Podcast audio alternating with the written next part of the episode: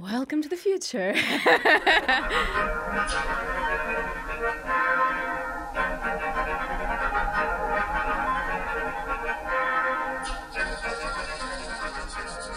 Hi, you are listening to Nara Podcast.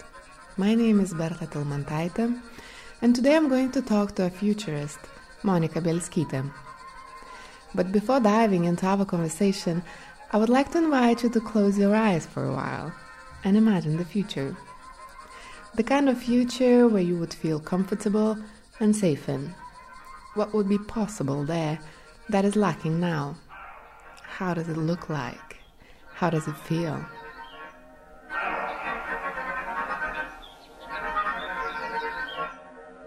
Now, how much of what you just have created in your head was your actual genuine imagination? And how much of it was influenced or interrupted by the media you consume, by the movies you watch, and the books you read? Today, with Monica Bielskyte, we are going to discuss the process of designing the futures, the impact those designs have on us, and responsibilities we all have in creating futures all together.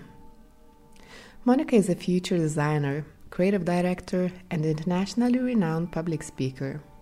Most recently, she has been working on Protopia Futures, a platform for research and creative collaborations that challenge and offer alternatives to dystopian and utopian stereotypes. For those who are not familiar with the term protopia, I have put some links to the readings that would provide a broader context. You can find those links in the description of the podcast and also on the website nara.lt slash en. And now, let's jump into the conversation with Monica.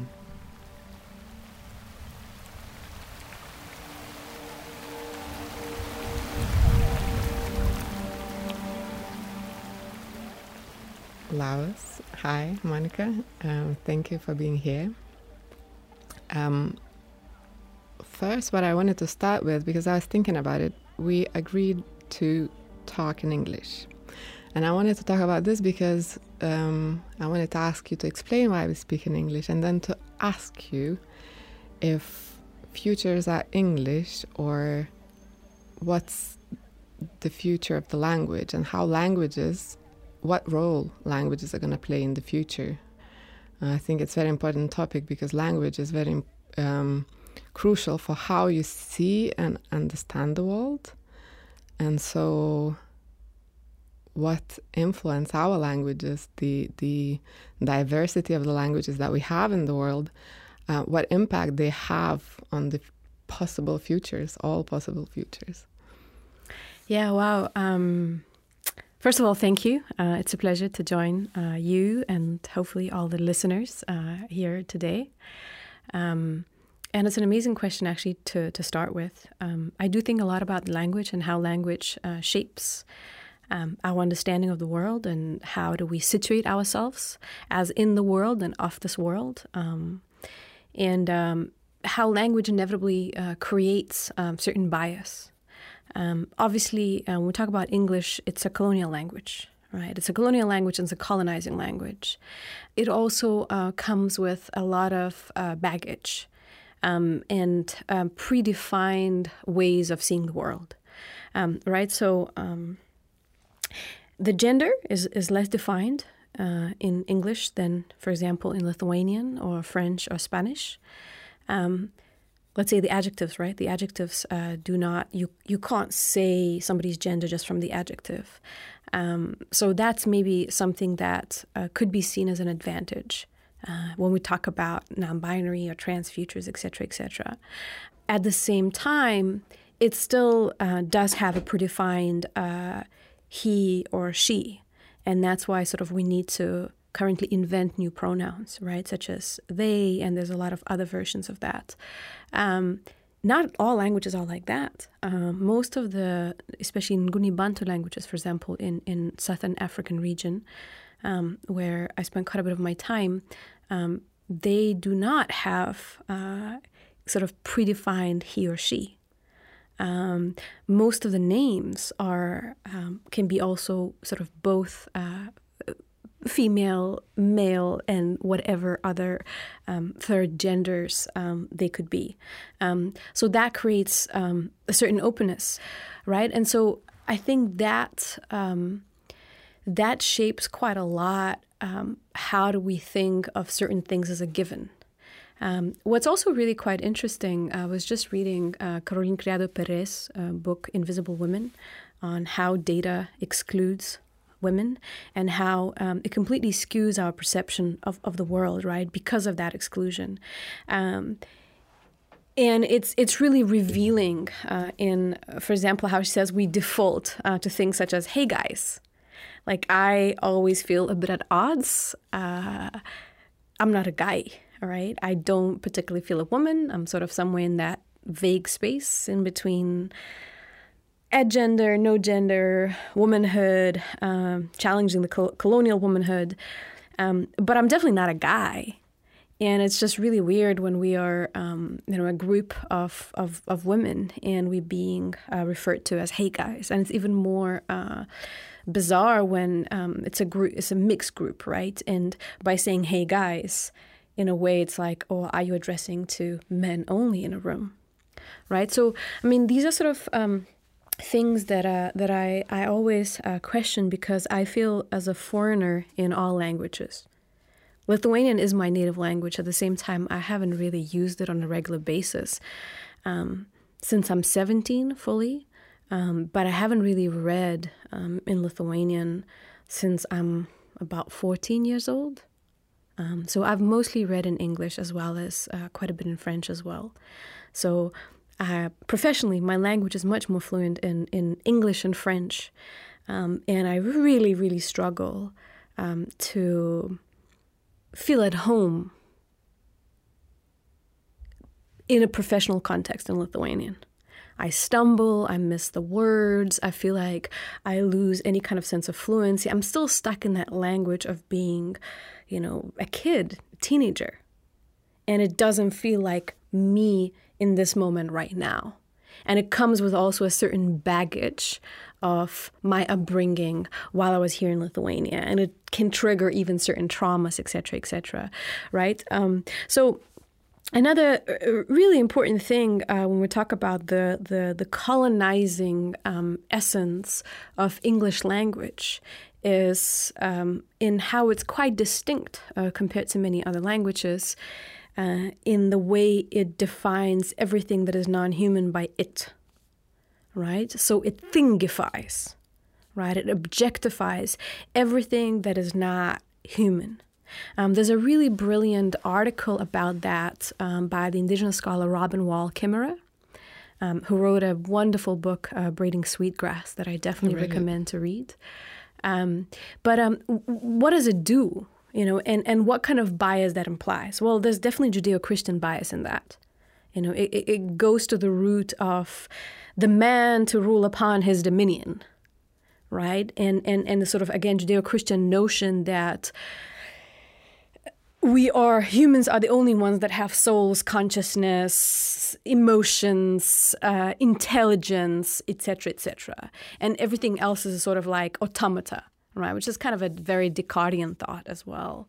Um, and I think that is quite at the root of a lot of the problems that we have today. How we've we've been viewing uh, the living world, the planet Earth, and all of the other species, all of our, you know, plant, animal, fungi, algae siblings as, um, you know, as objects, as as so called natural resources that we have sort of birth given right to exploit. Um, you know, even the word environment, right? It's it's a very problematic word. We still, I mean, I still use it because that's what makes it easier for people to understand. But I'm really trying to see how we can start shifting away from that because w- what does that imply? I mean, in French as well, environ. Environ, it's it's um, you know sort of what's around you. So in a way, it's just sort of a background to human drama. Hmm. Right. And so we are the superior consciousness. We are the only ones that have language, culture, intelligence, and everything else is just things that we are here to manipulate. Which is not true. Uh, which is obviously completely misguided notion. Everything that is emergent the, at the bleeding edge, both of consciousness research, uh, neuroscience, uh, biological science, medical science, is pointing to the fact that this is uh, this is a completely, completely misguided notion um, and, and really biased through that colonizing lens. Um, I want to also evoke and, and, and recommend uh, the listeners uh, to read uh, an incredible work all the way from 1954. And it's amazing how it barely has aged at all. And it's um, Le Discours sur décolonisation, The Discourse on, on Colonialism by Aimé Césaire. And uh, what really uh, what really struck with me uh, struck me in, in, in this particular work is how Aimé Césaire speaks about thingification, and that colonization is really about thingification, and uh, it's about dehumanizing uh, the other, and uh, hence giving yourself the right to use it to your own uh, desire or your own benefit, and in a similar way, how through um, transatlantic slave trade, as well as you know all of the other colonizing efforts of uh, European powers, um, it, it, was necessary to dehumanize, to erase uh, cultural contributions, to erase people's identities, to erase their stories, um, in order to exploit you know, in order to murder, in order to to enslave, in order to kill, etc., etc. Um, but I think you know it goes to the extent of you know thingifying not just other living human beings that we have otherized, but also uh, thingifying everything else around us, all other life. Um, and what what Aimé Césaire speaks about that is that you know the the, the oppressor, the um, the person that is uh, taking on that role of a so-called thingificator, um, you know, ultimately dehumanizes uh, themselves.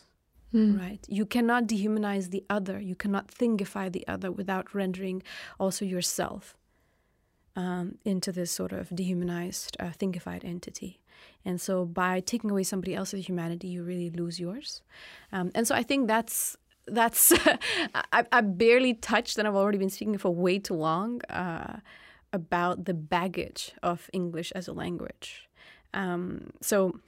Yeah, that's a, that I, could be a topic for the entire episode. I know, and and there's there's you know I'm just amateur, curious person uh, about that. I mean, they're, they're linguists, uh, they're especially indigenous scholars uh, that can speak about that. And that's why I'm, I'm, I'm really pointing uh, towards that essay uh, by Robin Wall Kimmerer or towards that uh, book by uh, Aimé Césaire, because um, I would never be able to, mm. to speak about it with the same degree of depth.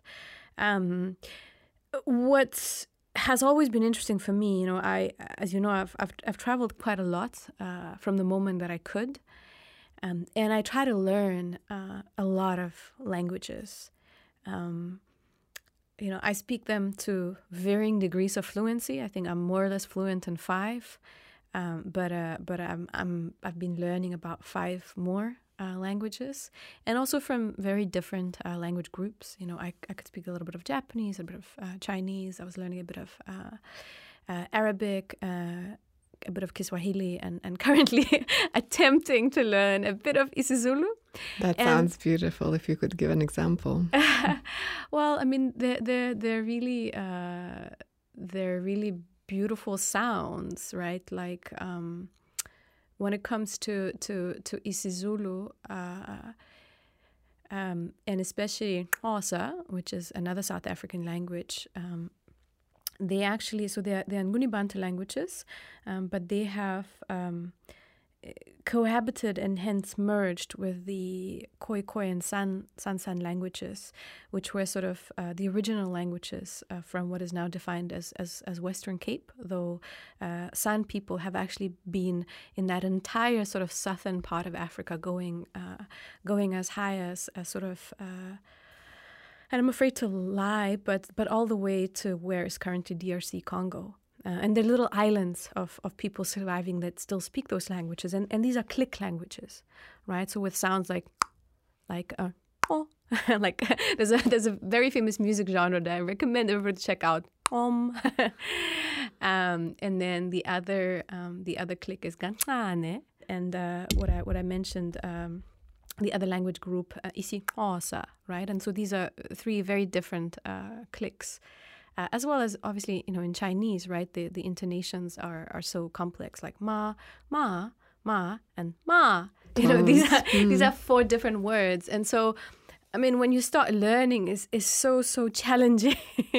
yeah, because it's it's also with every different language. What I experienced is that you it, you change the perception of the world, but you also gain kind of a new personality because when you change the language, you change your body language, the way you talk and express things, and the the way you use the words also. So yeah, hundred percent. Um, so I think it's it's how sounds are being pronounced and having to step out of your comfort zone and really listen and really understand. You know, how do you put your how and where do you put your tongue?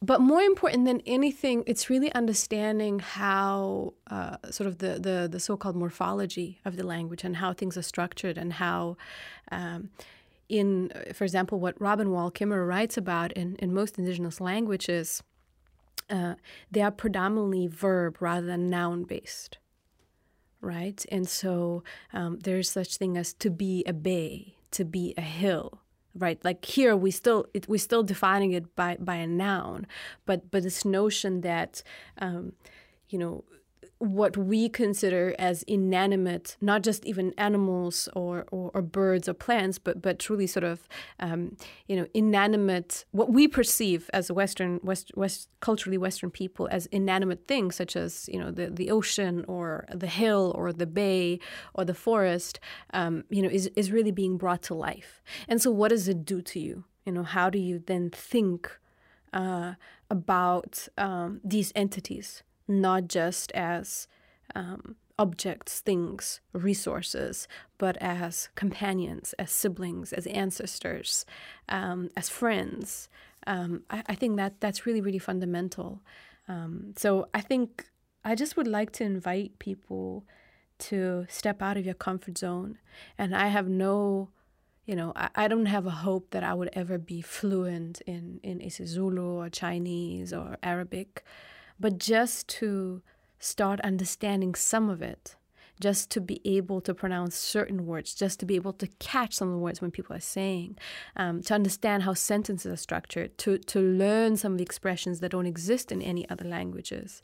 Um, I think it opens your mind uh, to a very different perspective of seeing the world and hence enriches your perspective, right? Mm-hmm. So uh, for me, that's that's really really important.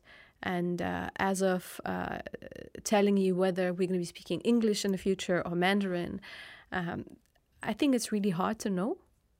Um, but I don't think that English necessarily has that um, certain position as sometimes we think it has. At the same time, obviously, technology and the internet has been predominantly driven um, by English as a language.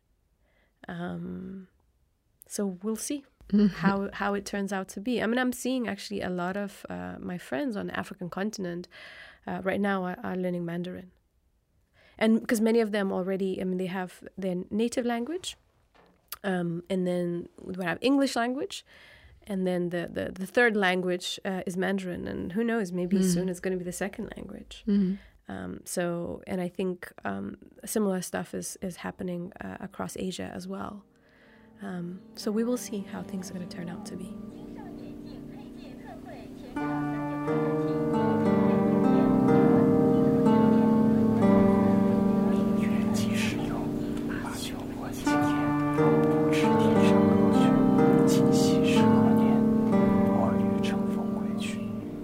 Before going um, deeper into the futures, uh, I wanted to go back a bit to the past and ask you um, whether you remember how you imagined future when you were a teenager or a child, and how much um, like and how close did you get to what we have now?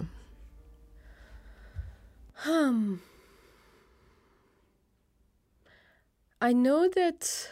Um, being born in well what was then soviet union and then became lithuania which is very much sort of European periphery, and it's so different from from our experience growing up was so different from Western European experience.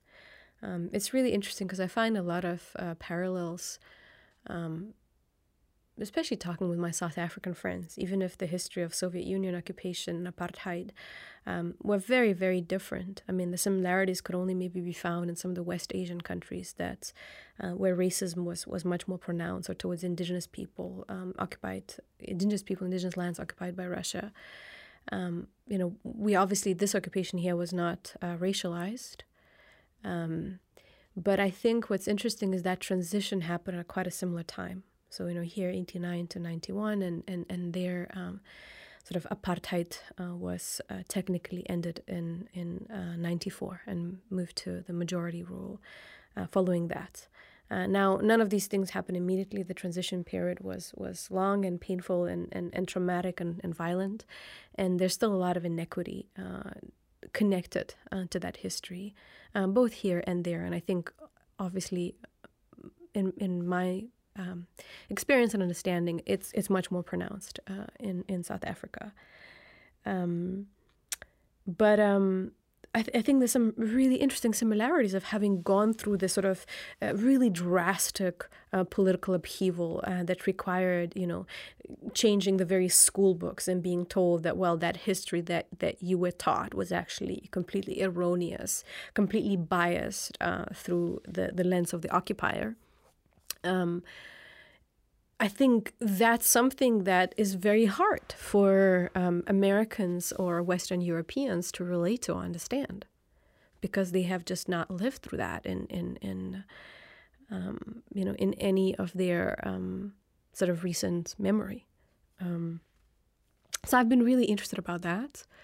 Uh, and so what I really think about a lot is how I had this profound inferiority complex, right? Uh, as much as in the Soviet Union we were supposed to be indoctrinated uh, to hate the Western world, etc., cetera, et cetera. I mean, I didn't have much love for, for, for America or fascination with America or American culture, American movies, or anything like that. But I definitely had that uh, fascination with, let's say, Paris and France and, and all of that. And so when I was 17, I, I moved to, to, to Paris. Um, and I was really treated as an inferior human being, especially as a young woman from Eastern Europe. Um, you know, the lens through which I was being perceived, especially by uh, by men, uh, was really, really degrading. You know, uh, deeply, deeply degrading, um, and deeply inferiorizing. I mean, people just assume that you know you would understand less, you would have read less, that that that you know your knowledge could never ever compare to what they had. Um, and what kind of struck me is that although people living there had all of the museums and all of the books and everything to their access, they did not necessarily have the same curiosity. You know, and they were taking a lot of things for granted. And so I think what I imagined is, you know, in terms of my own future, is how uh, by going there, you know, I will actually, um, you know, find something that I could have never, ever had here. Um, and in some aspects I did, but in most a- aspects I didn't. And so soon after, I actually went and, and traveled first in India. I mean, before even that, I you know I, I, had the chance to, to go to Tajikistan, Uzbekistan, Kyrgyzstan when I was 15, 16 years old, which really marked me profoundly. Um, and and ever since, my attention definitely shifted towards uh, different cultures of of of the cultures and knowledge of the global South, the so-called global South. And I think uh, here I, I, want to also speak about uh, something because uh, there's, there's, there's some stuff that we take for granted, um, and it's, again, language and framings um, that definitely come with a deep uh, political and historical bias. Um, so notions such as first world and third world, right? Or developed and and uh, underdeveloped world, developed, developing, undeveloped world. I mean, these are not the kind of um, definitions uh, that really speak to the reality of that right? What they speak is to the reality of colonial history because ultimately what is what is underdeveloped world and what is what is the third world um, if not the countries that have been colonized and whose wealth has been extracted? So you know the the rich nations and poor nations actually no it's impoverished nations. Uh, it's deliberately underdeveloped nations right um, and even the notion of development the truth is that if American and Japanese model of development would be the only model of development that the world would follow, I mean, eight planets would not be enough. Right? So if we think that that's the model, civilizational model to follow, I mean, we already are hitting the wall with, with the biosphere collapse and, and exponential rise in global temperatures and, and uh, uh, global uh, climate pattern disruption. But if we would actually, if the entire world would actually follow that model of, of culture, civilization, um, consumption, there's no way. All right. So we really need to question, well, what is what is to be developed?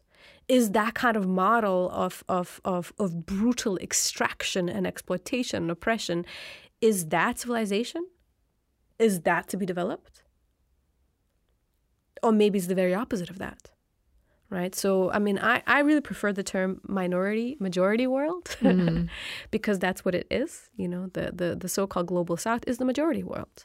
And North America, Europe, Australia, New Zealand, Japan, South Korea, I mean, ultimately, it is a minority world.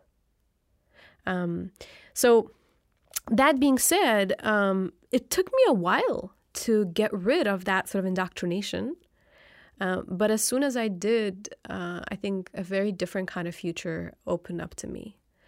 Um, what I appreciate um, because of my upbringing is that, as you know, our parents' generation could not travel freely. You know, we, we were behind the Iron Curtain, and at most you could travel within sort of the Soviet bloc. And even that, not not not always was possible, especially if you were politically questionable or something like that. Um, but but you could not really travel out into the Western world unless you were somehow uh, party uh, or KGB affiliated. Um, so I vividly remember that I never took it for granted. And as soon as I could travel, I decided I will you know, and it was on a shoestring budget. I was I was couch surfing, I was backpacking. It was it was really, um, you know, especially sort of my early twenties, uh, late teens. Uh, that was that was really really uh, travel on a budget, um, and and relying so much on the kindness of strangers. Bless them. Um, but I never took it for granted.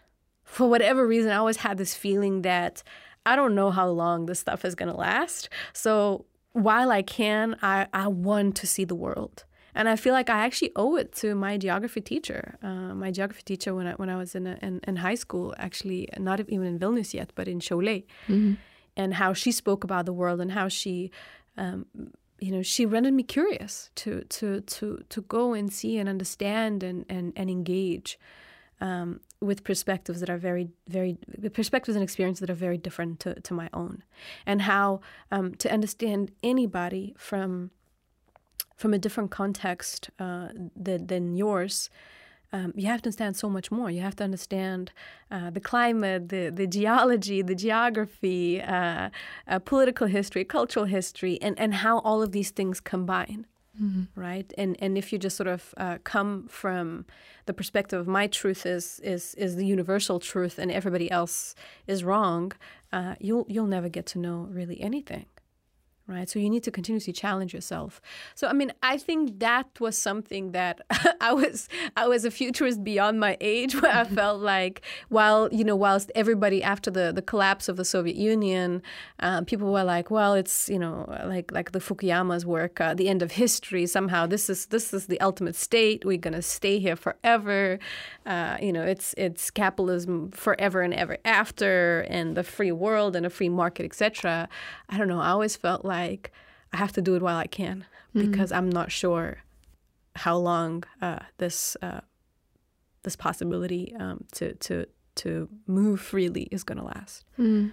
So I think that's the most uh, constant uh, thing.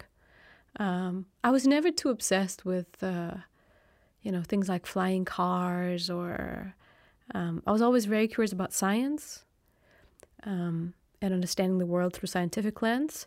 Um, but uh, to be honest, I was not like a science fiction nerd because uh, you know as much as i try to watch different science fiction movies and science fiction books in most of them i didn't see somebody like myself represented right? So they were quite alienating because i couldn't relate uh, to that type of a mindset to that type of um, uh, you know gender sexual cultural uh, um, neurotypical, etc., etc. identity. It, mm. it, was just not me, and so I felt alienated by that. And I think the first time that something really, really stuck with me is when I finally saw Ghost in a Shell, um, the original uh, two Japanese films by Mamoru Oshii. Uh, the Ghost in a Shell from 90, 94, uh, 95 and, and 2004, Ghost in a Shell Innocence.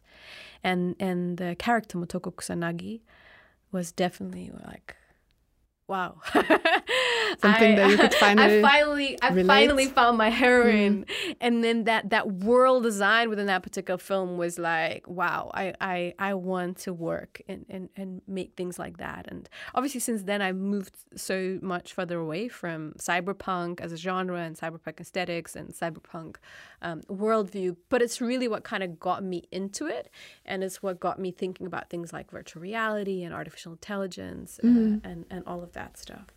First time when I saw your name or heard your name was with the photography book that was released, I don't know how many years ago. And then later I saw, I guess, your website, All Future Everything. Mm-hmm. And it took me a while to connect that this is the same person. Um, so now you mentioned that um, the the word futurist, and this is how you often or mostly are introduced everywhere as a futurist, working with movies, games, and media um, organizations, right? So and and you mentioned like this was maybe the the breaking point where you mm -hmm. realized that you want to do this. How did you get into into this um, um, field, which is very seems to be very like what does the futurist uh, do? And how how do you invent how do you work on those possible futures? Because i see that our a lot of media channels like um, um, movies or series or game industry have this very repetitive pattern of dystopian um, future or utopia but um, you have another um, direction that you're going. And could you talk a bit about this? How you find your path into all this um, futures? Um, what word would you use? Design, imagination? Um, yeah, I mean, I think envisioning a future and sort of future story worlds and and foresight as a practice. Yeah, so I mean, look, um, my background was more in creative direction right? So I, I started with photography as a kid, but uh, you know when I kind of uh, uh, so-called ran away from home and moved from Šiauliai here to Vilnius, um, I started kind of like just being on movie sets and just doing whatever I could uh, in, in in that realm. So actually, you know, film came in really quite early in my life. Um, but then I continued with photography, and then when I moved to Paris, I founded a magazine and creative agency um, through which I got to interview really amazing people in different uh, cultural domains, scientific domains, um, and and and sort of and beyond. Just just really diverse uh, kind of uh, thinkers and and and creatives, and uh, as well as innovators and researchers. So I was interview- interviewing really interesting people for for for our magazine, um, and then working on different projects through our agency. Um, but my work was predominantly creative, and at some point, I grew kind of weary with being so much in the visual realm. Right, so even if I was producing projects that looked really futuristic, I really wanted to dive deeper. Well, how you know how future is made like how it functions. What's you know in a way what what is the back end right? So i was more in the front end. I really was curious to go into the back end.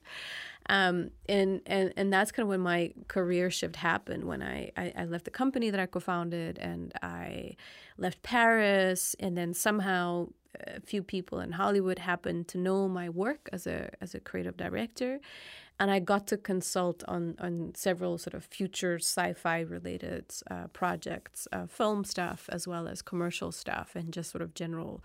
Um, production companies that were wanting to engage more with technology companies and, and sort of more like futuristic aspects of, of their work. Um, and that's really how I kind of fell into it.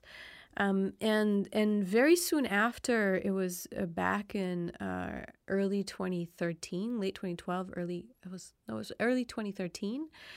Um, Oculus was was being sold to Facebook, and I got hold of one of the first volumetric virtual reality demos. And as soon as I put the the goggles on, I was like, "Oh my god, this is what I wanted as a kid!" Right? Because I was always fantasizing because um, I, I, I really struggled to be honest like growing up as this weird kid in Šiauliai that was really otherized and and and and um, bullied and mocked. Um, you know our mutual friend Aurelia was my only real friend at that time. You know I don't know how I would have managed to survive without her. Um, but um I always was creating these fictional universes in my head. And so whenever I go to watch a movie, I would always want to sit front row. I still do to this day. And people are mad with me whenever they go to me. They're like, why would you ever want to sit in the front row? And it's just like, I always wanted to like just be and immerse myself.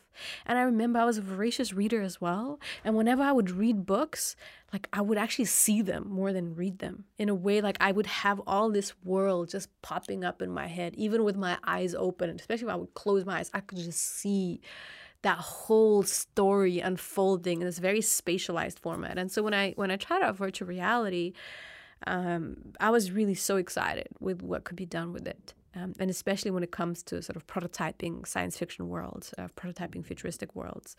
And so I got really engaged um, with that particular realm. So augmented virtual mixed reality, which got me thinking about, you know, what is what is the future of spatialized computation? Um, where are we going in terms of just larger questions you know what how do we produce and consume information in the future? Uh, what ultimately is knowledge in in the age of sort of ubiquitous computation? Um, at that time you know chris milk did this whole ted talk on how vr is the ultimate empathy machine. I was like that's just such bullshit because um, yes it could be utilized for empathy but it's really the ultimate mind manipulation ultimate surveillance machine and so I was trying to say these things and I was being shut down for being too negative, too critical. Mm-hmm. Monica, you should be more enthusiastic. And it's incredible because it was really, really prescient. And actually now when I look back at it, I was like, yo, I was I was a I was a kid. Like I didn't fully understand even the whole thing, but that's when my understanding combined with, you know, deduction from what I was seeing around, uh, combined with um, knowledge of historical context was leading me. But but at, at that point, um, I for sure wasn't as confident, you know, in in my skills as somebody um, that that uh, studies, uh, sees, and hopefully comprehends future more than just sort of uh, a regular citizen, right? Mm um, I was still very much stumbling in the dark. And, and yet it's incredible, you know, even some of these things that I spoke uh, quite soon after getting involved in the field, um, they are the things that are the key topics of conversation in the last couple of years.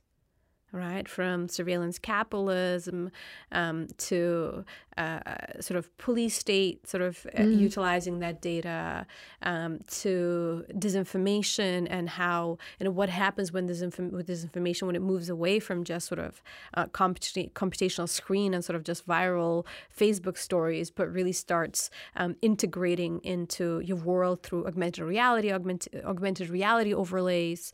Um, so, g- machine learning algorithms and deep fakes and how that would just make everything so much more um, intense than whatever that we're dealing with today.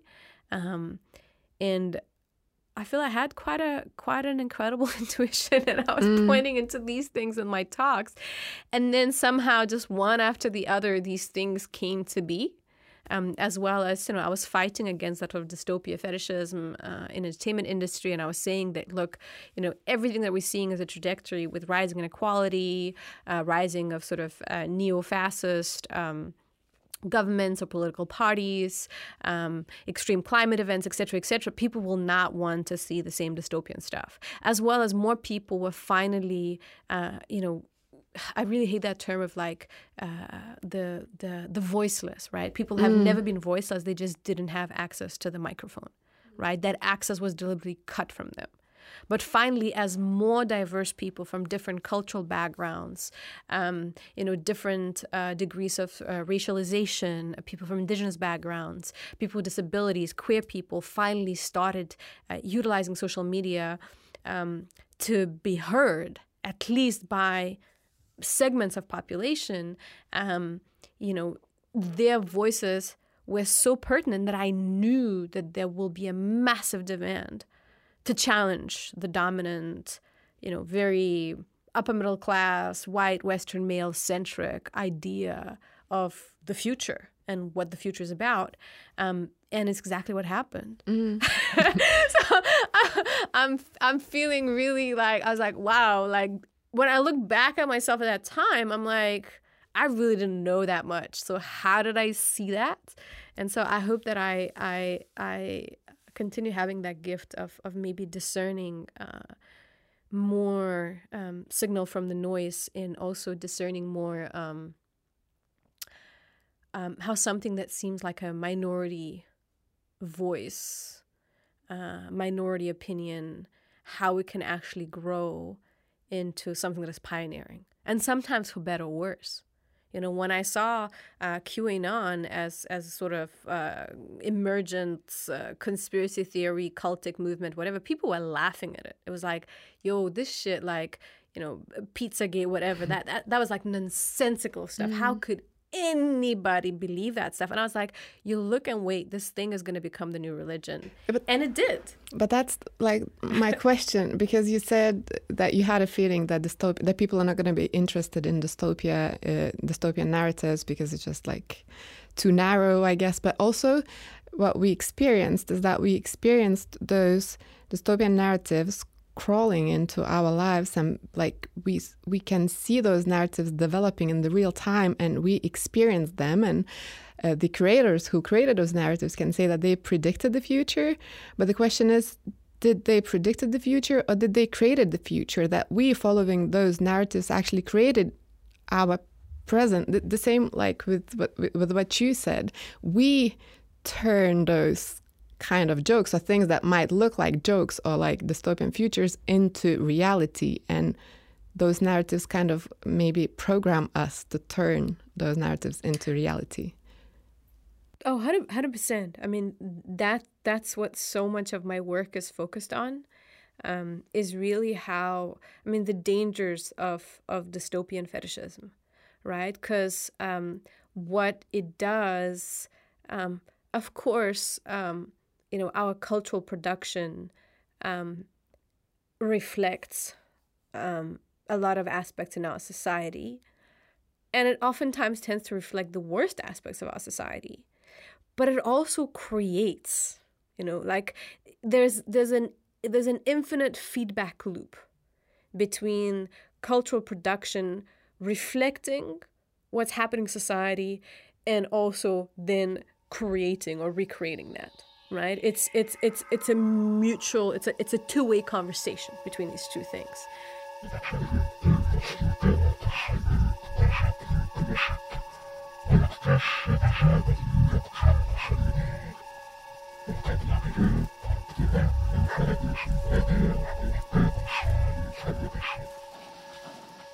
The danger of uh, dystopia fetishism is that by force of feeding us of these uh, profoundly um, negative, profoundly um, despair inducing uh, narratives of the future, what ends up happening is we just disengage. Right? We feel like, well, there's nothing that I can do about it. Mm-hmm. I'm just this tiny cog in a machine. So I might as well just give up, give in, consume further, because there's nothing I have no agency in that. Somebody else is always deciding. And so it becomes a self fulfilling prophecy. Mm-hmm. So that's on one side. Like one major danger is that it disempowers people, right? It makes certain futures feel like inevitable. And then on another side, um, it also becomes very much a product roadmap. You know, so I always speak how dystopia is a product roadmap. And I mean, you see that, you know, I mean, the most obvious example is, you know, a movie like Minority Report right? A surveillance state dystopia with this fanciful technology, but it's ultimately utilized for really horrendous, uh, um, horrendous purpose. And it was supposed to be some kind of like cautionary tale, but it ended up the images from that film ended up, um, you know, in on every second. Um, um, VC firm, uh, you know, pitch deck, like Silicon Valley startup, you know, uh, towards towards a VC firm, like, oh, I want to create minority report technology. It's like, wait a second. this is the stuff that we're supposed to not work towards. Mm. And, and in some cases, even kind of ridiculous, right? Because that whole sort of gestural interface, um, it's something that is like really actually inefficient. Um, because your hands would just get really, really tired the way like Tom Cruise was waving them in front of the, the screens. Um, I mean, it's great for exercise possibly, but it's it's it's completely then targeted towards you know exclusively able-bodied people, et cetera, et cetera. Um, but because it was so visually appealing, people are like, "Oh my God, let's go and create it." Mm. Right, and and and and so reality imitates art. You know, I personally think that it always like it doesn't start with reality. It's it's a bit of a chicken and egg problem, but if I have to pick one of the two, is that it always starts with imagination. You know, first we imagine who we want to be. And then we move towards becoming that. Mm-hmm. And we succeed or fail. And in general, it's much harder to imagine something that is positive it's always easier to default to brutality, to violence, to um, ignorance, to indifference, etc., etc. I oh. mean, I don't know. It, it's still questionable because I often think like it's actually, for me personally, it takes more effort to be rude and to be mean. Like it's not that difficult to just be kind to yeah, a minimum. Isn't it? Isn't it because one, those are the narratives that we are familiar with because we experienced them so many times. We just know how it goes. One. And another thing is that it's just more drama because when everything's good and beautiful, there's no drama, there's no excitement, there's no emotional um, ups and downs. So maybe those things are the, the things that make us do this and make creators repeat those dystopian narratives and how can we maybe change it? I disagree actually with both of these mm. things. Um, more than anything it's about the laziness of imagination mm-hmm. and also um, a colonial lens right? So we can unpack all of that stuff. Um, and when it comes to to drama um, i think that's also a very misguided notion um, so, very specific examples. Um, let's compare Blade Runner 2049 and uh, Black Panther. Mm-hmm. I hope the listeners will have watched some of these movies. If you haven't watched, please watch them so you understand what I'm talking about. Um, but um, Blade Runner 2049, right? It's this, um, you know, dingy, dark, um, dystopian city that actually utilizes a lot of um, sort of Orientalist tropes uh, which are ultimately profoundly racist tropes. Uh, a friend of mine, uh, Kazuma Hashimoto, just, just wrote a really interesting uh, piece on Orientalism in, in cyberpunk. Uh, definitely worthwhile to read. Um, and historically, you know, there, has been that sort of uh, profoundly Orientalist lens on on uh, dystopian futures. You know, when there's more Asian immigrants, that's when future becomes bad. You know, and uh, I mean, it, again, profound colonial bias. So the world of Blade Runner, you know, it's this dystopian, polluted city where this, um, you know, so much crime and violence, and people are just plain being just mean to each other you know, even our main characters, they all seem to hate each other. And they are very violent with each other. And there's a lot of um, profoundly misogynist violence in there as well. And so what happens? Like, we actually don't care what happens. Because all these characters are really, like, we don't fall in love with them because they're not likable. They're not kind. They're not charming they act horribly. Um, they seem to be so isolated in their own head. Uh, they don't seem to have any relationships. Like, like you know, the main relationship of the film is is relation with the main character played by Ryan Gosling with his virtual girlfriend which is like a completely misogynist, completely sexist uh, depiction of an quote unquote ideal woman. Um, that's like the key relationship within the film. I mean, even if then he has supposedly has relationship with with Deckard, but uh, uh, it, it, just that the film doesn't actually properly go in depth there. Um, so we just don't care. So whatever fighting and drama and killing happens, you just don't care. Okay, whatever. This guy killed that guy, or or this this um, you know woman killed this other woman.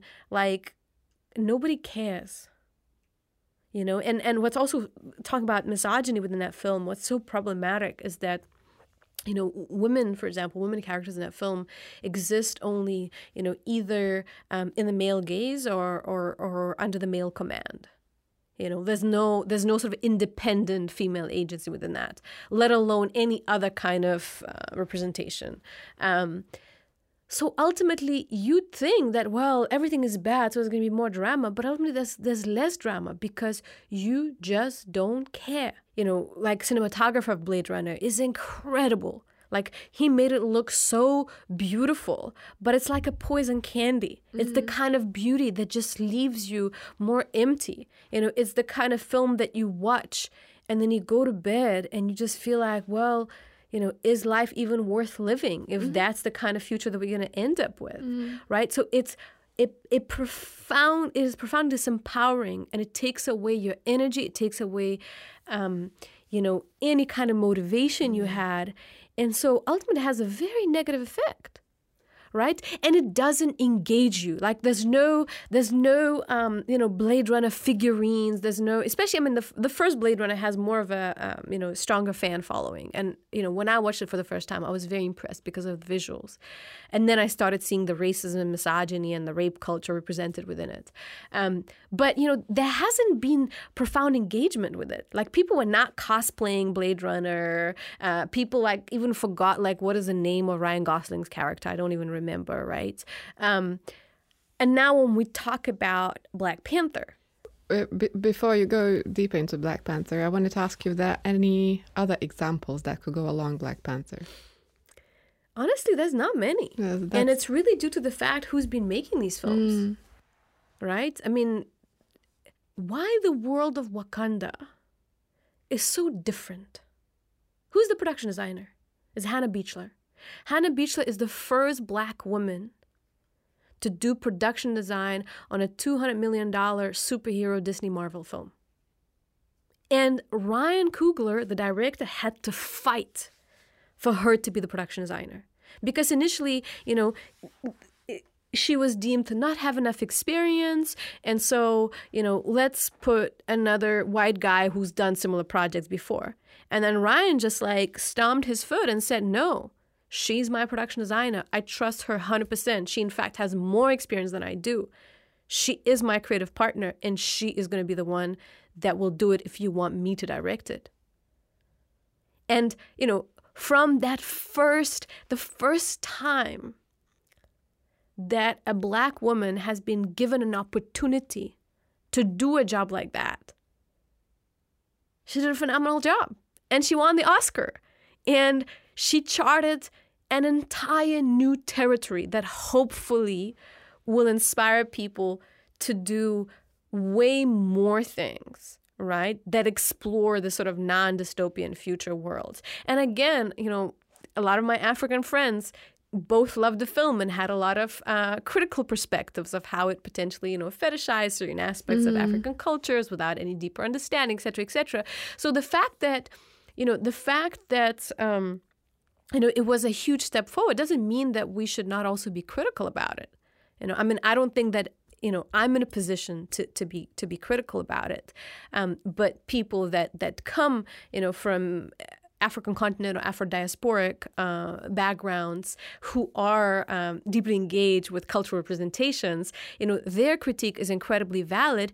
And what's amazing about somebody like Ryan Coogler is that he actually didn't become defensive. He said, I hear y'all.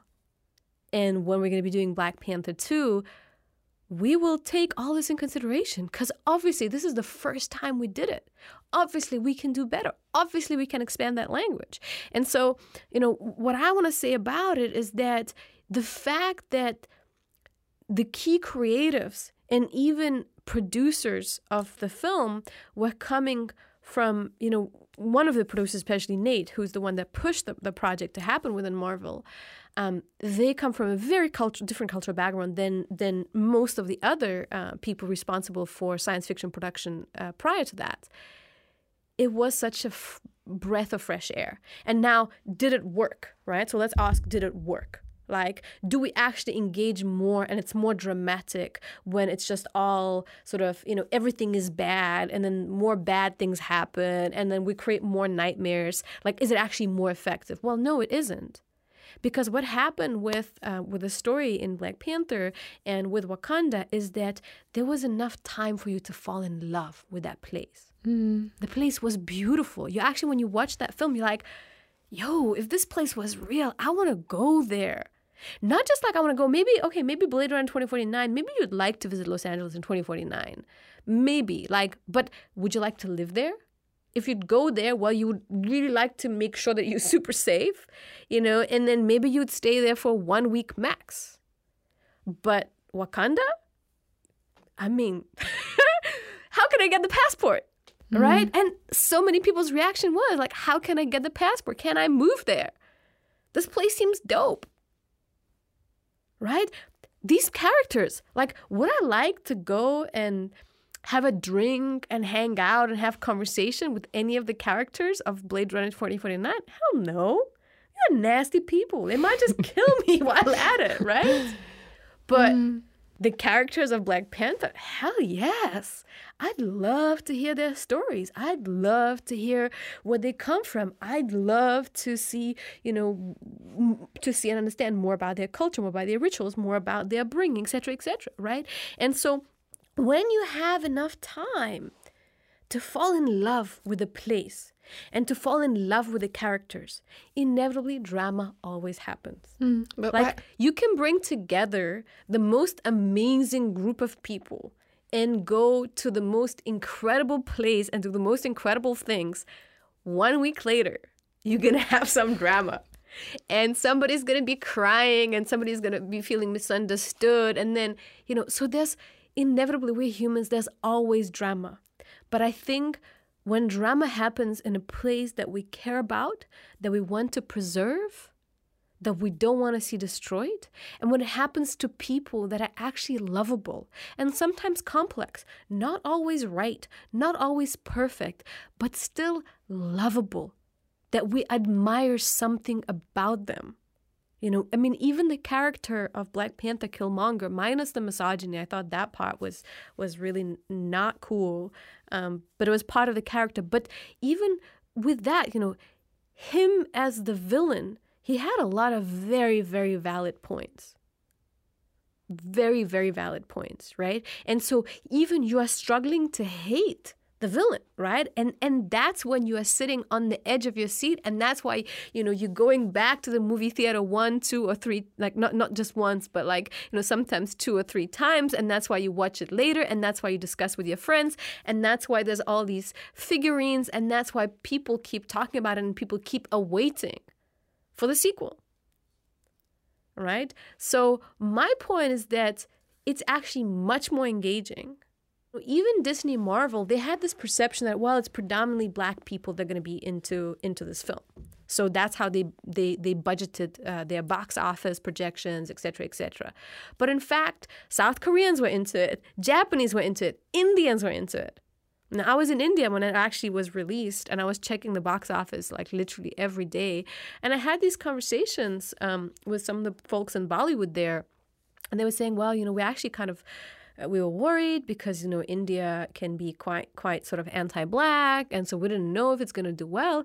And then it did so so well. It did better than most of the superhero and science fiction movies because there was something that was culturally relatable. Mm. You know, there was there was uh, music, there were colors, there were textures, um, there were jokes. Like a lot of the jokes, for example, within Black Panther, they actually, you know, they were not the same old tired joke Yet at the same time, we could understand what it means.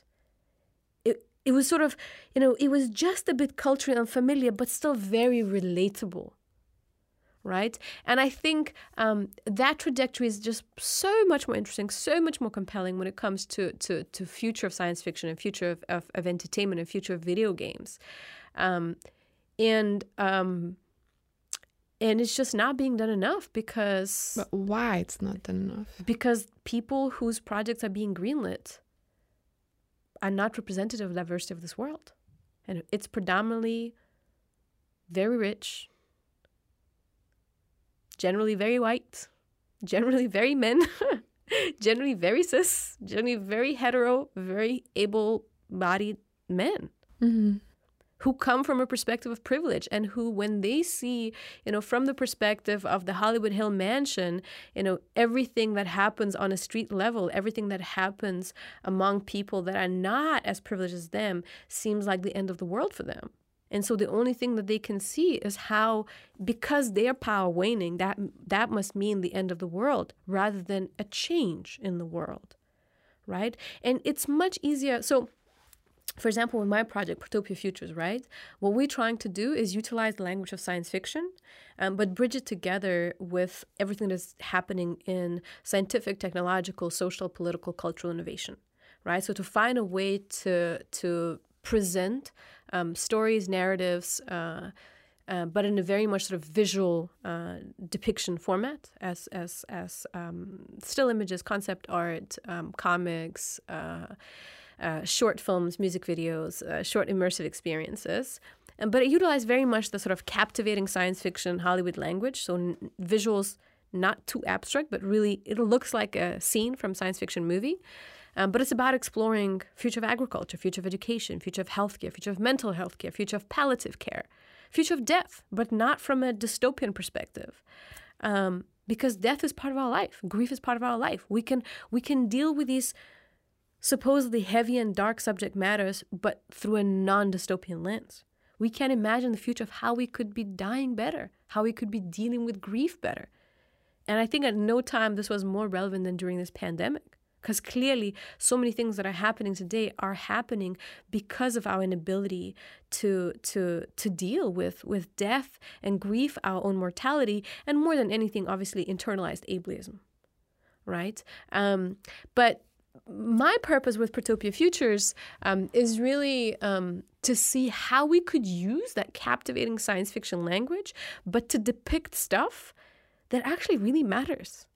Like, it matters to all of us. What will the future of education be? It matters to all of us. Um, you know how we will be taken care when when when we fall ill in, in whichever manner. It matters to us what kind of food we're going to be eating in the future.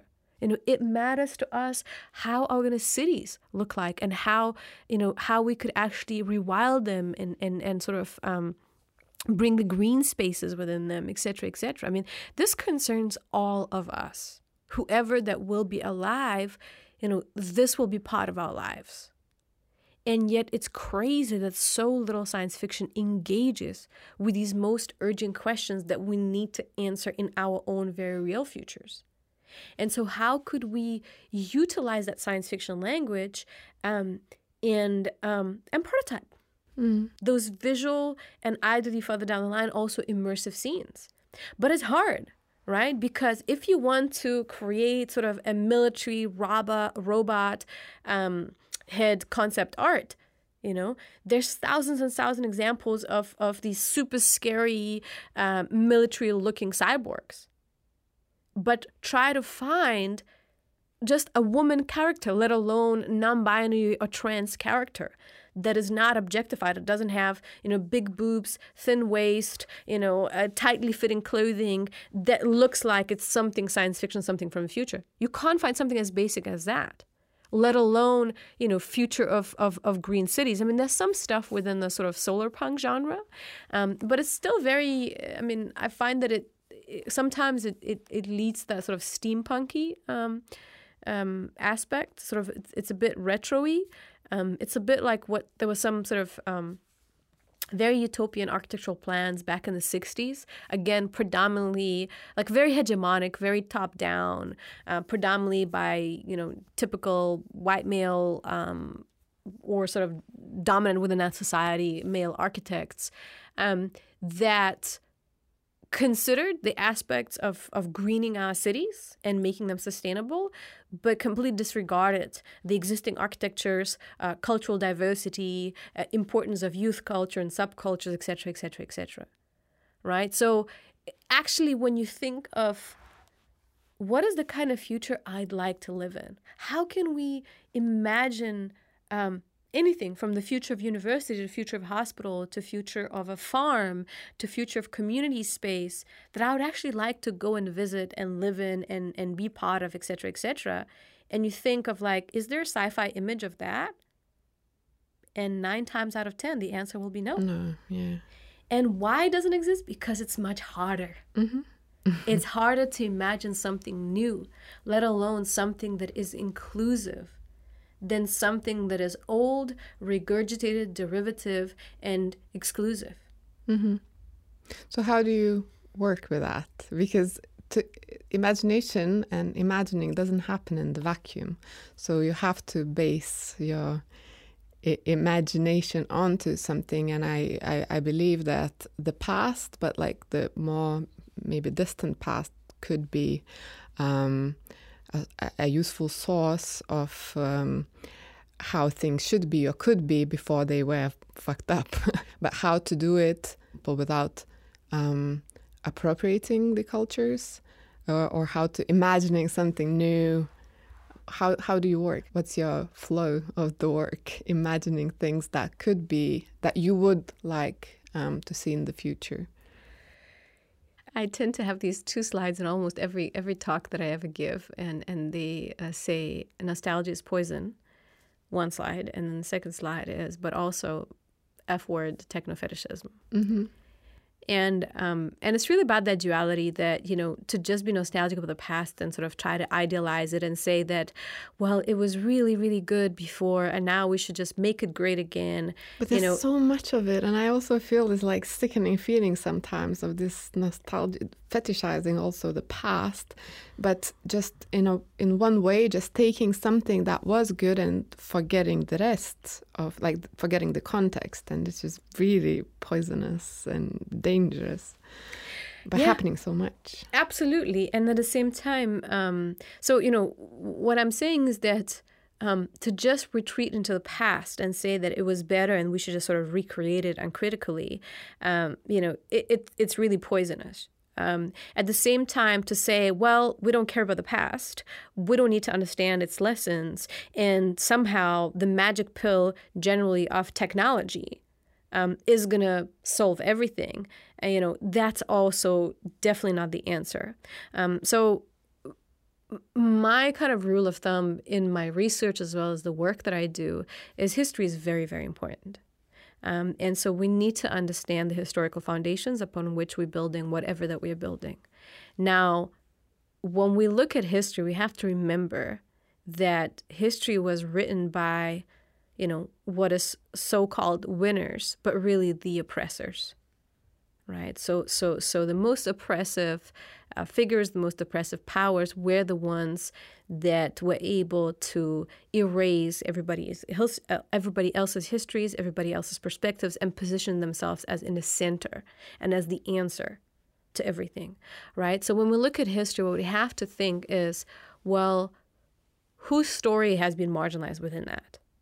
And generally, whose story has been marginalized is a story is the story of people who, that are still continue being marginalized, right? So whenever you look at any historical perspective, you have as much as possible try to analyze it through the angle of women's erasure, other minority genders, um, and that's that's not just sort of trans and non-binary, but you know, in in in the context, for example, of uh, North America, um, uh, the the the two spirit genders in the context of uh, places like India, Hijra, and right in there's there's been gender has been more than binary in most indigenous cultures, and patriarchy has been imposed upon most indigenous cultures through the process of colonialization.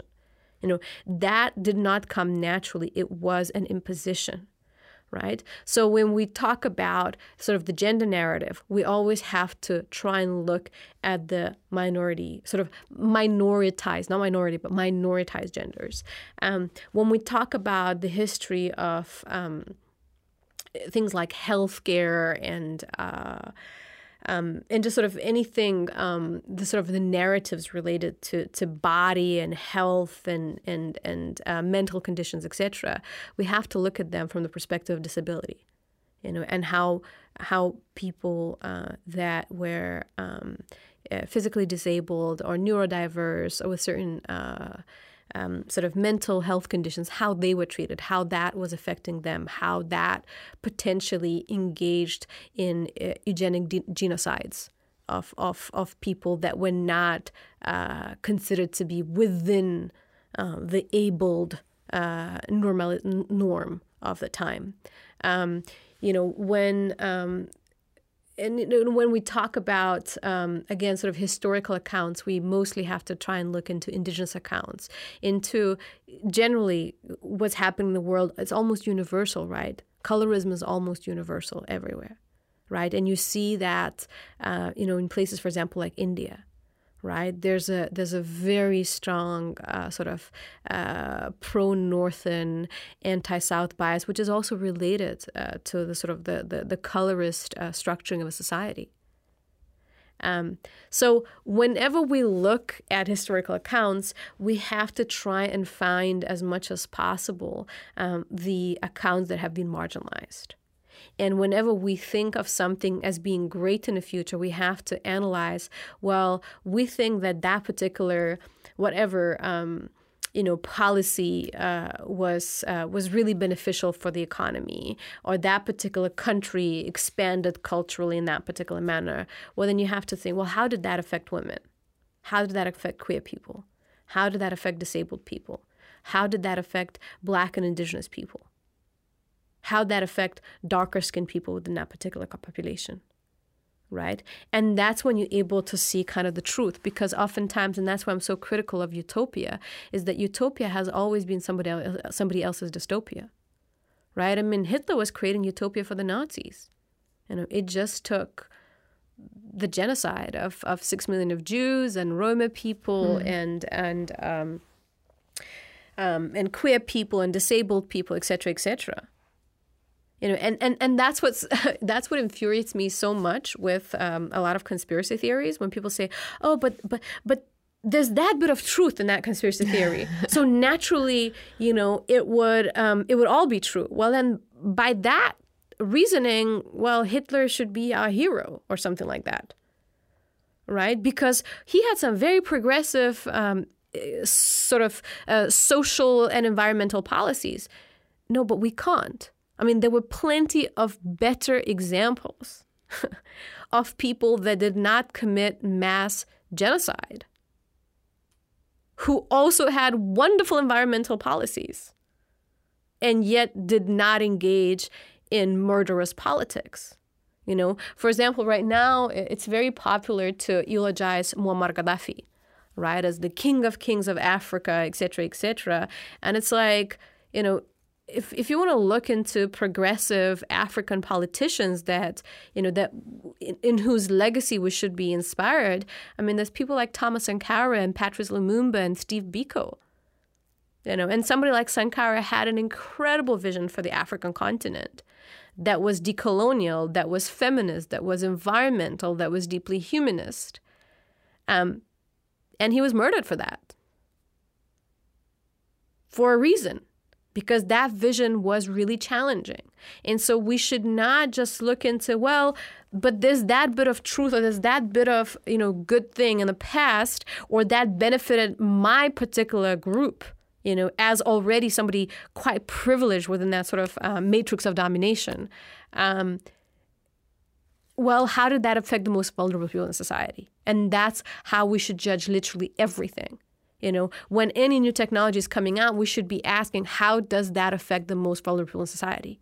When we um, deciding with certain climate policies, we have to think who is at the front lines of climate change, and uh, and it generally tends to be indigenous people right? The Pacific islands that are drowning, people in the Amazon forest whose whose whose um, homelands are being burned off.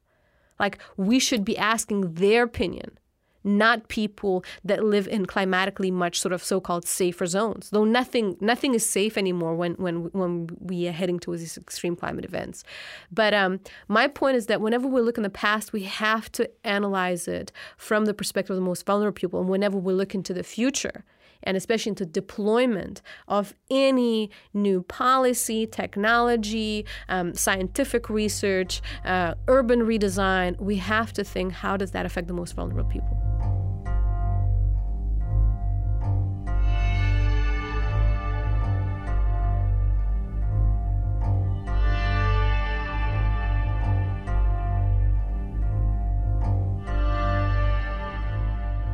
Um, now you ask me, how do I proceed with my projects? Um, first of all, I don't do them by myself. Everything that I do is is collaborative. All my knowledge, really, uh, you know, I'm a synthesizer. Um, I rely on people that are much smarter than me in any given domain, and I think my strength is kind of to to, to bring these ideas together.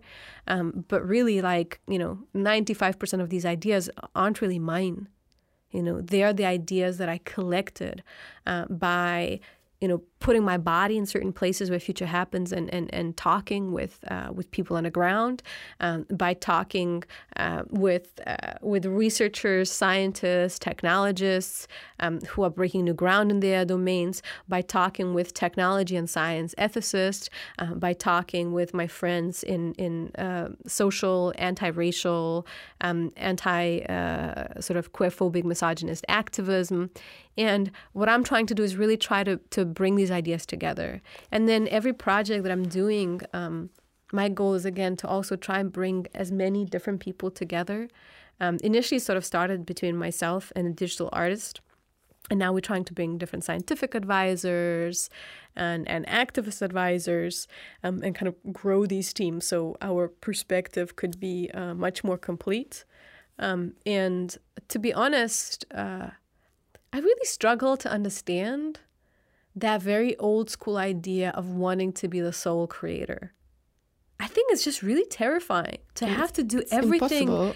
yourself. Like, first of all, it's it's just. Uh, I mean, especially if you're like working on a movie or a game or anything like that, it's just delusional, right? Because you rely on the work of so many other talented people. But it's so much more exciting when when you feel like you're working on something that you could have never, ever done by yourself. That you only did it because both you and your collaborator or your collaborators have come together and challenged each other and learned from each other.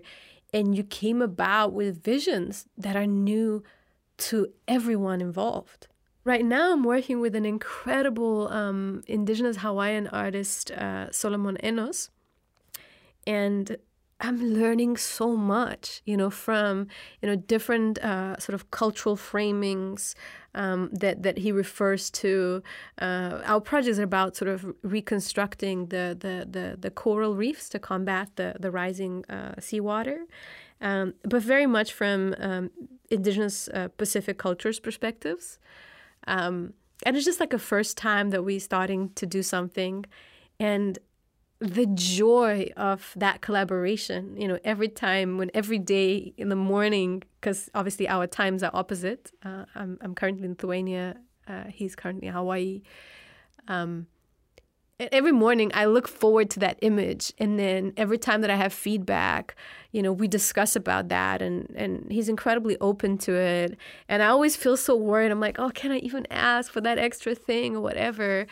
But um it's just so incredible to feel like, wow, we're doing this together and and we're learning. I mean i, I do oh my god i do hope that he feels the same about it. Because I, I feel like i feel like a kid in a candy store you know and and that's what also really shocked me uh, in my experience um, with with different hollywood people is how uncurious people are. Like when you work on a on a on a two two hundred million dollar um, film, like you can hire like your dream collaborators generally. I mean, not everything maybe is going to be ideal, but you can really think, wow, okay, like I can bring in the scientific advisor, I can bring this cultural advisor, um, you know, I can have this amazing, um, you know, art director, and I can feature this artist work within it and it's like a dream, right? Like you are able to bring together so many people that you admire and learn from them in the process. And to be honest, um, I've never ever witnessed that until I actually finally um, got to chat. And so I'm very biased. My my perspective on Black Panther is very biased because I had the chance to to to, to engage with uh, both Hannah Beachler and Ryan Coogler, production designer and director, respectively.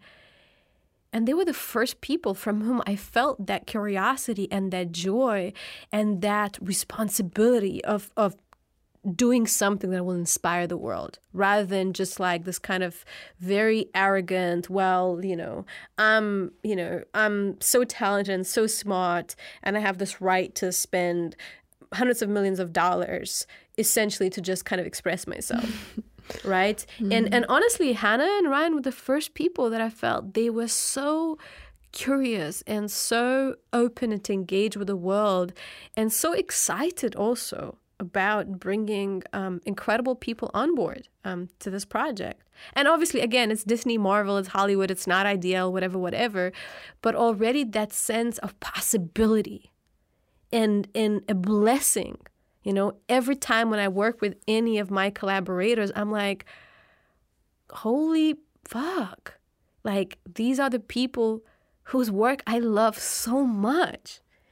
And they just like are cool to like collaborate with me and contribute to my project and exchange these ideas and send me back these like you know if it's if it's scientific advisors these like notes from their research. If it's digital artists then it's like that like i'm like we literally just start with an idea right?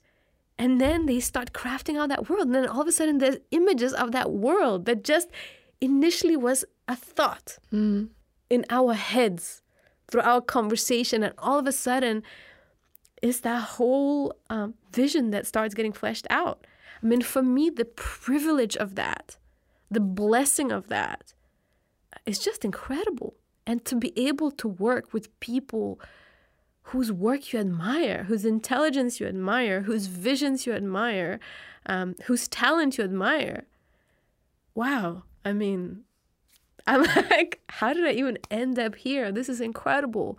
And I mean, the only way to continue doing that, you have to make sure that you keep giving back as much as the world gives you. You can never take it for granted. So many people would love to do that and can't do that. So when you are given that opportunity, like you better use it for good. Like you like literally, you better like why would you create more nightmares? When you can hopefully create something that makes people dream. that opens people's eyes, that renders people curious, that makes them want to read more, to understand more, to hear more, to dive deeper into that particular thing. Like, why would you ever feed people more nightmares? Like, honestly, life is hard enough. And, you know, as somebody who's also um, a survivor of both violent assault and sexual assault, and it didn't happen just once, it happened several times through my life and, and left very deep uh, scars. And, you know, the last time it happened was actually quite recent, it was earlier this year. Um, I basically got grabbed uh, by my neck and then uh, and then I had a gun straight in my face, literally like in, in, in my in my head. And I was I was so shocked and so terrified that instead of freezing, I just started screaming and running. And I don't know how to like I I I somehow managed to get away. Um, and it's not the first time that you know the last time I was attacked it was with knives. Um, you know, and then there were also different things that happened to me, you know, from sexual sort of really, really um, dehumanizing sexual harassment and things like that. And so when you're at that receiving end of violence, um, when you feel that somebody doesn't even see you as a human, you are just a thing, and they want something from you that you know that that you are just this thing. You're not, you're not a full human. You're not somebody that has you know your loves your dreams your stories or whatever. You you you're just an object and something needs to be extracted from that object. Um it's a very heavy trauma right? And and when that trauma hits it touches you in a, in a really really deep way. And so what you understand through that is that violence is really not cool you know? And so that depiction in the films of you know endless brutality and people just standing up and going and somehow being okay with all these horrible things that happen is just not how these things are in real life. When you have been at the receiving end of violence you know that that shit is not cool. It really isn't. And everything you want to do in your work is to not reproduce that violence. And I think it's a profound tragedy that most people that are telling the stories of violence have never been at the receiving end of violence or have been at the receiving end of violence a very, very long time ago. But honestly, most of them have never, ever been dehumanized to that degree. And so they have no idea what is the story they're telling about, and they have no idea how the impact of that story and the impact of that continuous stereotyping and continuous imagination that you know we can have all these magical futuristic technologies but we cannot imagine a future that is not misogynist you know racist homophobic ableist etc etc how it further harms people that are already being harmed and how it just deepens that wound and so for me, it's so profoundly irresponsible. And it's just, there's no truth in it. Those stories of violence have no truth in it because they're being told by people that don't understand what they're talking about because they have never lived through it. And that's the only reason why they're able to fetishize it. Hmm. So, what we as um, community or we as the creative force even um, imagining the futures can do and should do um, to create other possible variants of the futures without those traumatizing um, experiences maybe. We we mentioned a few times protopia futures the framework that you work in. Um, i will put the links to the text where people can um, read more about about it um, but maybe to just uh, for those who are not familiar at all maybe you could mention the main principles of the protopia futures and what that is why it is important and how could we uh, all I really like that you use when you write it or you talk the pronoun we because it's the responsibility of all of us. Um, should pay attention to those principles and what and how should we do and what should we have in our minds doing something or creating something to actually contribute to the better futures, better possible futures? Well, the first reason why I use we is also because I'm, I'm not just writing it as a singular person because uh, Protopia Futures is a framework. You know, even if sort of the initial idea and, and the main sort of uh, writing and editing was done by me, um, you know, it was done in collaboration with over 30 people that are listed at the end of the document.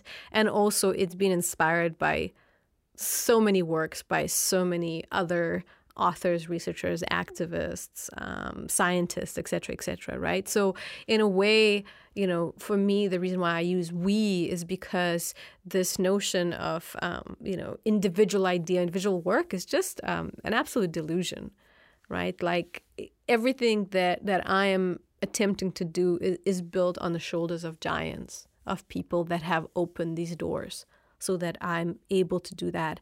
And also uh, due to my community from whom I keep learning every day and without whom I'm honestly pretty much nothing, you know, next to nothing. And also my peers. Um, some of them have no idea that I exist, but you know, whose work has just been instrumental. I mean, I don't know, people like Ruha Benjamin, Adrienne Maree Brown, like, wow, I wouldn't be the same person if I wouldn't have found uh, their work. Um, so there's that. Um, so how can we do that? I think it's really about uh, coming together, um, but coming together not obviously not because we're similar, because we can learn things from each other. At the same time, you know, you can't come together with somebody who's very understanding of the world, does not see you as a fully human right? So that that's where you have to draw the line. Because we also, especially people from marginalized backgrounds, should not be putting themselves in the harm's way for the enlightenment of the ones that have been harming them in their personal lives, but also historically.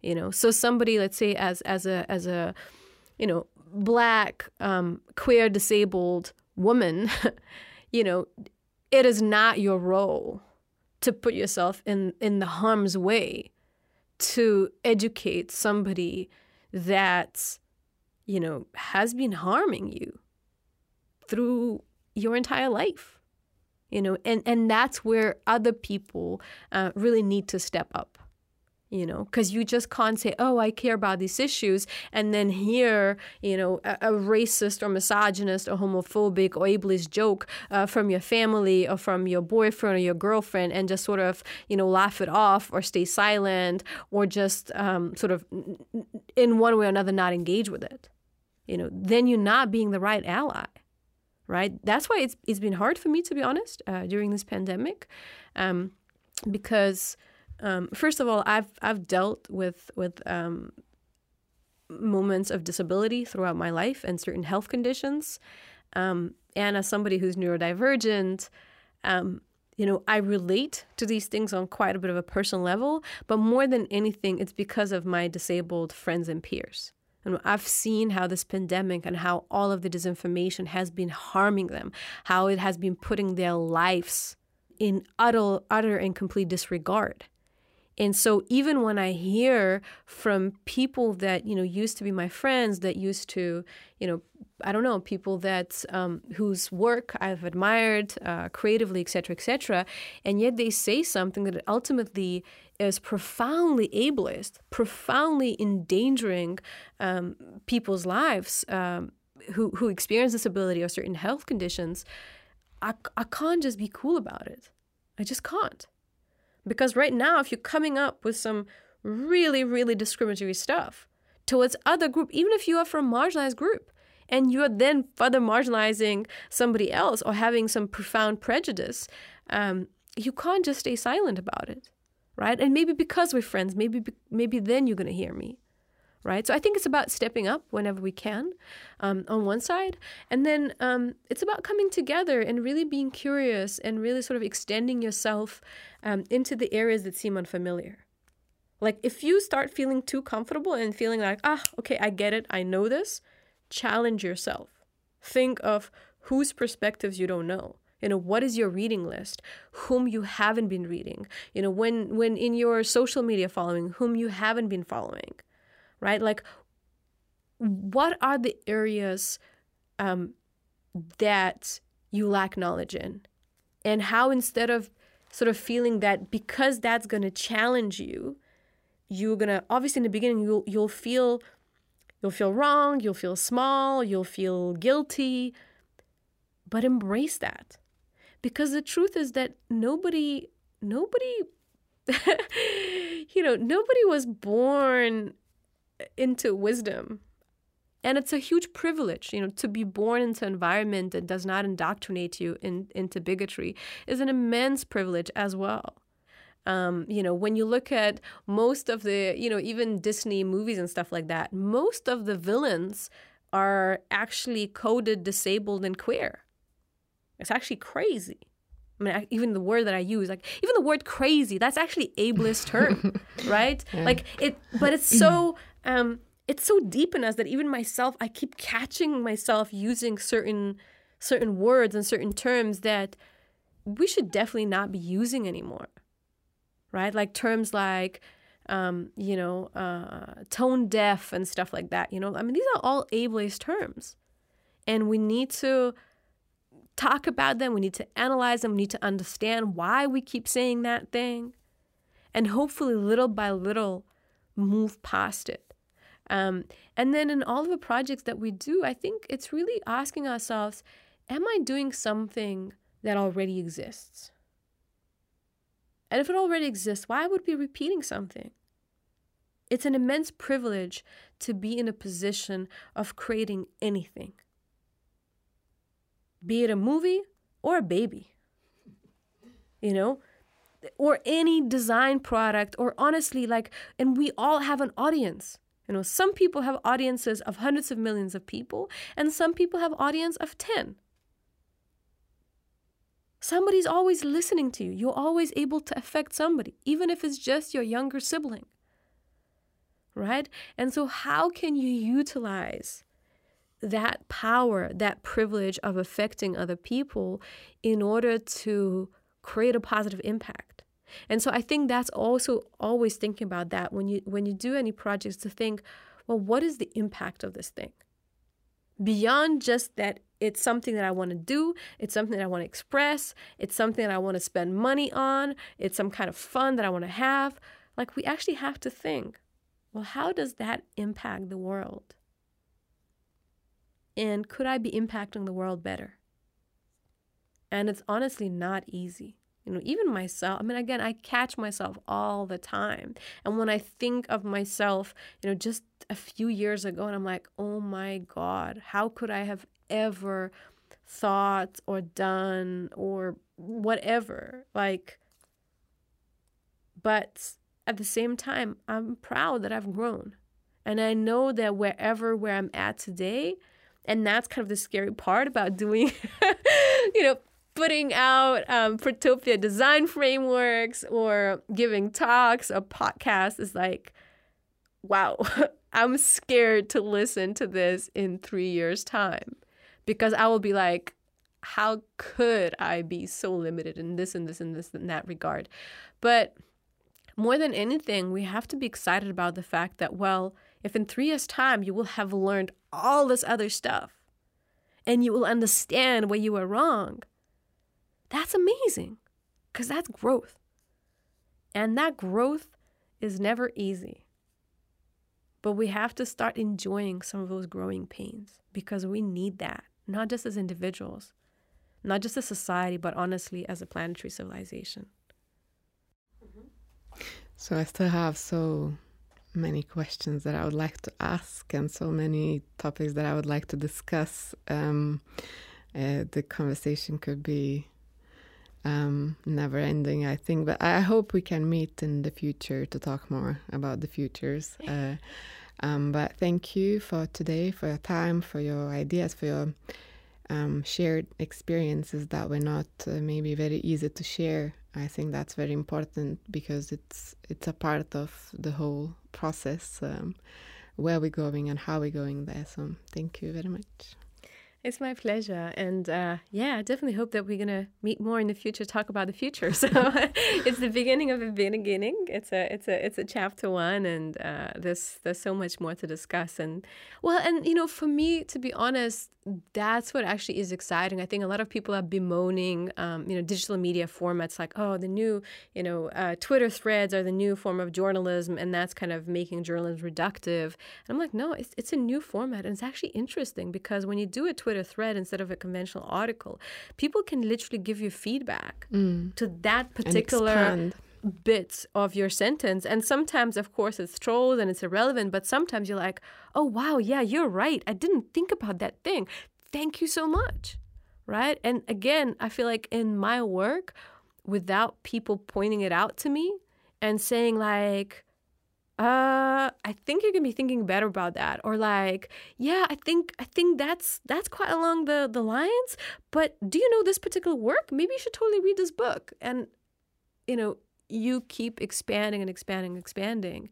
And that you know that that expansion um, just makes you reevaluate everything that you thought and did before um, and hopefully allows you to to improve right? And uh, i think that's why feedback is really really really really important and it's always a gift. And hopefully um, you know it's something that is intentional um, in a positive way and not just in a in a hateful way. Mm-hmm. So we're looking forward for the um, feedback from the audience who are listening to us, and thank you once again.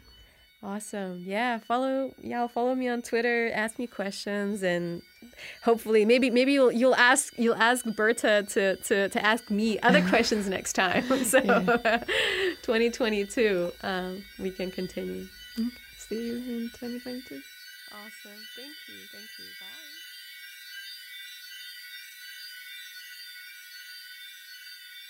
Thank you for listening. Please share this episode with those who might be interested. Also, I invite you to visit our website nara.lt slash en, where you will find some links to Monica's work, recommended readings, and also some futuristic artwork created by the collaborators of Protopia Future platform. You will also see some portraits of Monica created by Linas Masiokas. Special thanks goes to Vladas Dieninis, a really unique composer, performer, and educator. The music you heard featured on this episode is from the newest Vladas EP called Hayat, released by the fresh Lithuanian record label Isla to Isla. You can find, listen, and buy this EP on the Bandcamp platform. You can also support our work on the Patreon platform. The address is patreon.com slash naralt. Every contribution is really important to us and our future. Our conversation was recorded at the Martynas Mažvydas National Library. A shout out to our sound engineer Kata Bitoft. Thank you once again and hope those futures you imagined in the beginning of this episode will come to life. Bye.